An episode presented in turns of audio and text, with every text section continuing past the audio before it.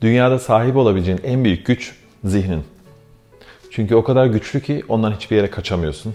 Ve eğer yeterince pislikle doluysa seni hasta edebiliyor veya hayatın boyunca bu hastalıklı düşüncelerle boğuşuyorsun. Ama eğer onu iyi bir arkadaş yaparsan hayata sahip olabileceğin en güçlü müttefik olabilir. Seni yükseltebilir ve nasıl davranmak olmak istiyorsan sana yardımcı olabilir. Çoğu insanın zihninde yerleşmiş bazı kalıplar var. Ve bu kalıplar tekrar ettiğinde silsile halinde seni sürüklüyorlar ve utanca dayalı çarpık düşünme dediğimiz şey oluşuyor. Yani bir şeyi algılıyorsun ama zihnin onu hemen sabote ediyor ve farklı bir yorum çıkartıyor içinden. Ve bu o kadar tehlikeli ki en büyük kabusunla aynı odada kalmak gibi bir şey ve kapıda kilitli. Senin isteyeceğin şey zihni yakından tanımak, onun üzerinde çalışmak. Böylece yavaş yavaş bu kalıpları kırabiliriz. Hatta hızlı hızlı kırabiliriz ve bir an önce onları değiştirmeye başlayabiliriz. Bugün bu kalıpların birkaç tanesinden bahsedeceğim. Daha fazlası var. Ama bence bu birkaç tanesi üzerinde çalışmak bile hayat kaliteni büyük ölçüde arttıracak. Ben şahsen bu tür şeyleri öğrenirken kağıt kalem kullanan tiplerdenim. Özellikle ilk 1-2 hafta zihnim üzerinde çalışıyorsam öncelikle yazıyorum. Hem tekrarlayan kalıpları görmek kolay oluyor. Hem bir kayıt tuttuğum için geriye döndüğümde, bugünü karşılaştırdığımda ne kadar ilerlediğimi veya ilerlemediğimi gösteriyor bana. Peki, şimdi utanca dayalı şu çarpık düşünme kalıplarına bakalım. Öncelikle bu ne demek? Utanca dayalı çarpık düşünme başladığında zihnin seni öyle bir yere sürükler ki yetersiz, değersiz, sıkıntıda hissedersin. Yalnız bunun normal huzursuzluktan farkı sanki senle ilgili bir problem varmış da asla değişmezmiş gibi gelir. Yani oradan çıkış yoktur. Sürekli aynı döngüdesindir. 80'lerde bir televizyon programı vardı. Freddy'nin kabusları. Ve her bölüm hemen hemen aynıydı. Bir kasabaya girerlerdi gençler. Kasabadan ne zaman çıkmak isteseler arabayla dönerler dönerler ama bir şekilde kasabanın bütün yolları birbirine bağlıdır. Sonunda da Freddy onları avlardı. Zihnin çoğu zaman seninle böyle çalışıyor. Aynı yere giriyorsun. Çok ikna edici görünüyor çünkü zihnin bütün araçlara sahip. Düşünsene seninle seni çok iyi tanıyan birisi var. Aynı zamanda senin bütün içini biliyor. Bütün inanç ve değerlerine sahip ve seni avlaması pek de zor değil. Şimdi utanca dayalı çarpık düşünme kalıplarına bakalım. Birincisi en popüler olanı felaketleştirme. Herhangi bir durumu yaşadığında en küçük bir ipucu bile orayı mahvetmene, daha sonra sabote etmene yardımcı oluyor. Örneğin içeri giriyorsun ve patron konuşurken duyuyorsun ve diyorsun ki "Ah, sanıyorum beni işten çıkaracaklar işte ne söylediğini duydum. Ne söyledi? Performansının düştüğünü söyledi. Ama bu işten çıkarmanı gerektirmiyor yani. Zihnin öyle bir yoruma giriyor ki tek bir seçenek var ve bu seçenek genellikle seni olabilecek en kötü yere sürüklüyor. Felaketleştirmeye başladığında istediğin şey zihni durdurmak, daha iyi bir fikirle değiştirmek. Durdurmak derken onu durdurmana imkan yok. Ama daha iyi bir fikirle değiştirirsen, onu tekrar edersen zihinde o felaketi başka bir şeye dönüştürebiliriz. Ben yazarken bunu yaptığımda altına daha iyi bir örneğin işte zihnimde dönen bu felaket senaryosu neyse onun altına daha iyi bir şey yazıyorum. Daha sonra onu alıp zihnimde bilinçli olarak çevirmeye başlıyorum. Böylece o düşüncenin oluşturduğu hissi de fark edebiliyorum. Bir test sürüşü yapıyorsun yani. Bazı insanlar bunu hastalıkla yapıyor. Örneğin bir mide ağrısı başlıyor. Aman tanrım içeride sana bir tümör var. Sanıyorum büyük bir kitle yayılıyor. Ve şimdi belime de vurmaya başladı. Evet dizim de çekiliyor. Bu felaketleştirme demek. Görüyorsun silsileden kastım da bu. Biri başlıyor ve zincirleme bütün düşünceler seni aşağıya çekmeye başlıyorlar. Ve oradan çıkmak oldukça zor iş. O yüzden başından tanırsan hızlıca oradan çıkmaya başlayabiliriz. İkincisi kişiselleştirme. Kişiselleştirme pis bir iş. Çünkü kendini sürekli diğerleriyle karşılaştırmanı gerektiriyor ve aynı zamanda çok yorucu. Bu konuda maalesef e, çok fazla insan var çünkü bu kişiselleştirme eleştirilmeyle başlıyor. Yani küçük yaşlarda öğreniyoruz ve öyle köklü oluyor ki bazen onu yakalaman çok zor oluyor.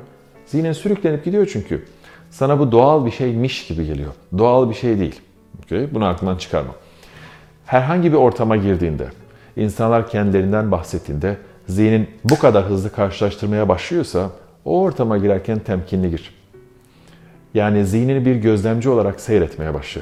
Şu anda içeride neler oluyor? Ne oluyor da böyle karşılaştırıyor? Ve hemen oradan çık. Onlar ayrı insanlar. Ben ayrı birisiyim. Onların farklı özellikleri var. Benim kendime has bir zekam ve kişiliğim var. O ne yapıyorsa harika, takdir ediyorum veya etmiyorum. Ama ben benim, onlar da onlar. Ben ben olarak yaşayacağım onlar da onlar. Bu kadar uzun yapmak zorunda değilsin. Ama en azından araya bir çizgi çekersen zihni rahatlatmana yardımcı olacak. Bir başka cümle melimalı cümleleri. İngilizce'de bir laf var. Should is shit diye. Yani bu melimalı çok boktan şeyler. Hiçbir zaman işe yaramıyorlar çünkü gerçek değiller. Tek yaptığı şey de bu cümlelerin seni kötü hissettirmek. Sabah kalkıyorsun. Bu sabah da erken uyanamadım.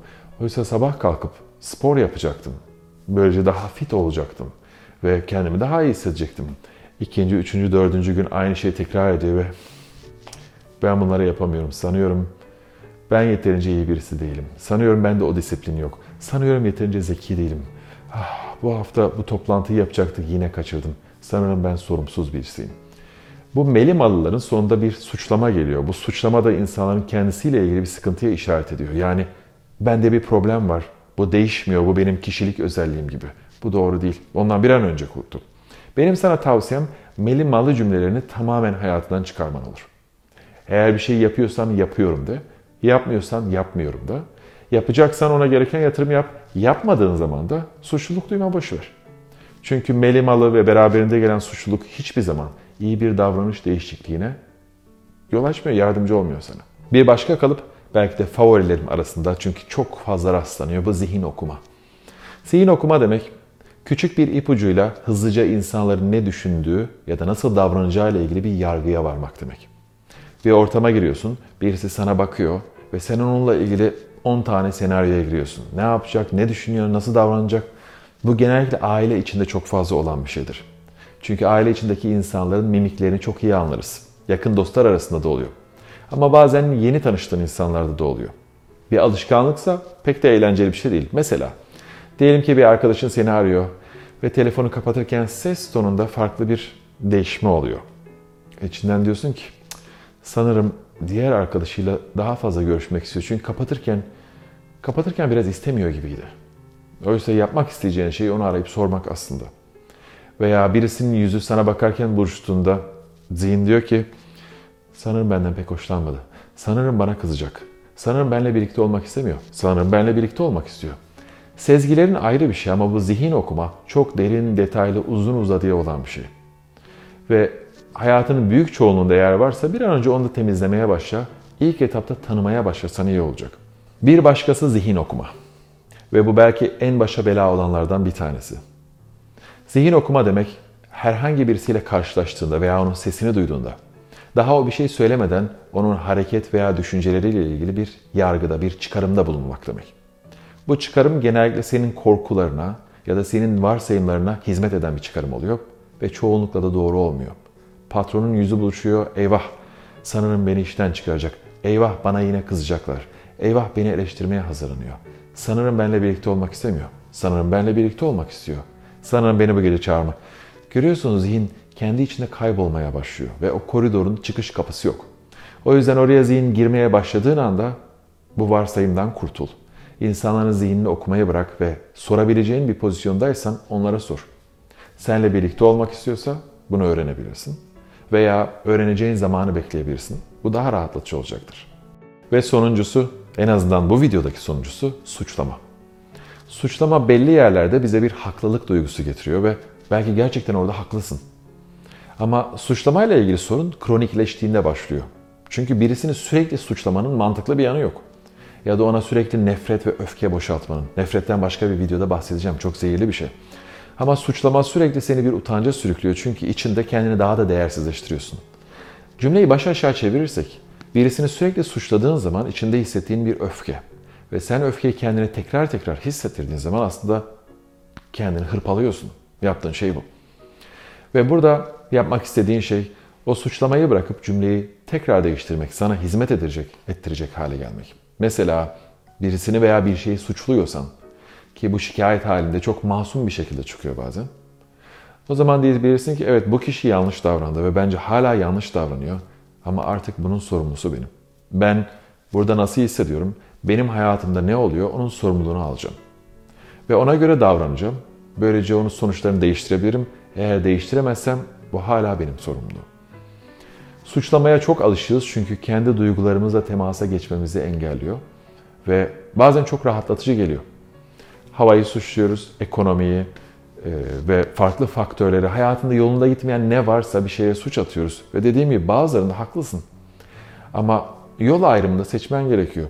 Ya sürekli suçlayacaksın ya da sorumluluk alıp suçlamayı en azından bir süre kenara çekip rahatlamaya başlayacaksın.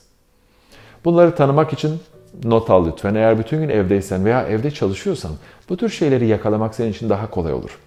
Ve kalıpları alt alta yazarsan gün içinde birisi başladığında onun yanına bir çarpı atabilirsin.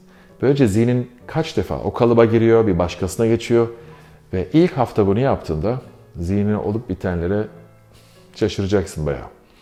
Orada seni sürekli utanca sürükleyen, sürekli korku, kısıtlığa sürükleyen birçok şey bulacaksın. Ama umudunu kesme lütfen. Öğrendiklerini uygula. İyi gidiyoruz. Neredeyse iki hafta bitiyor.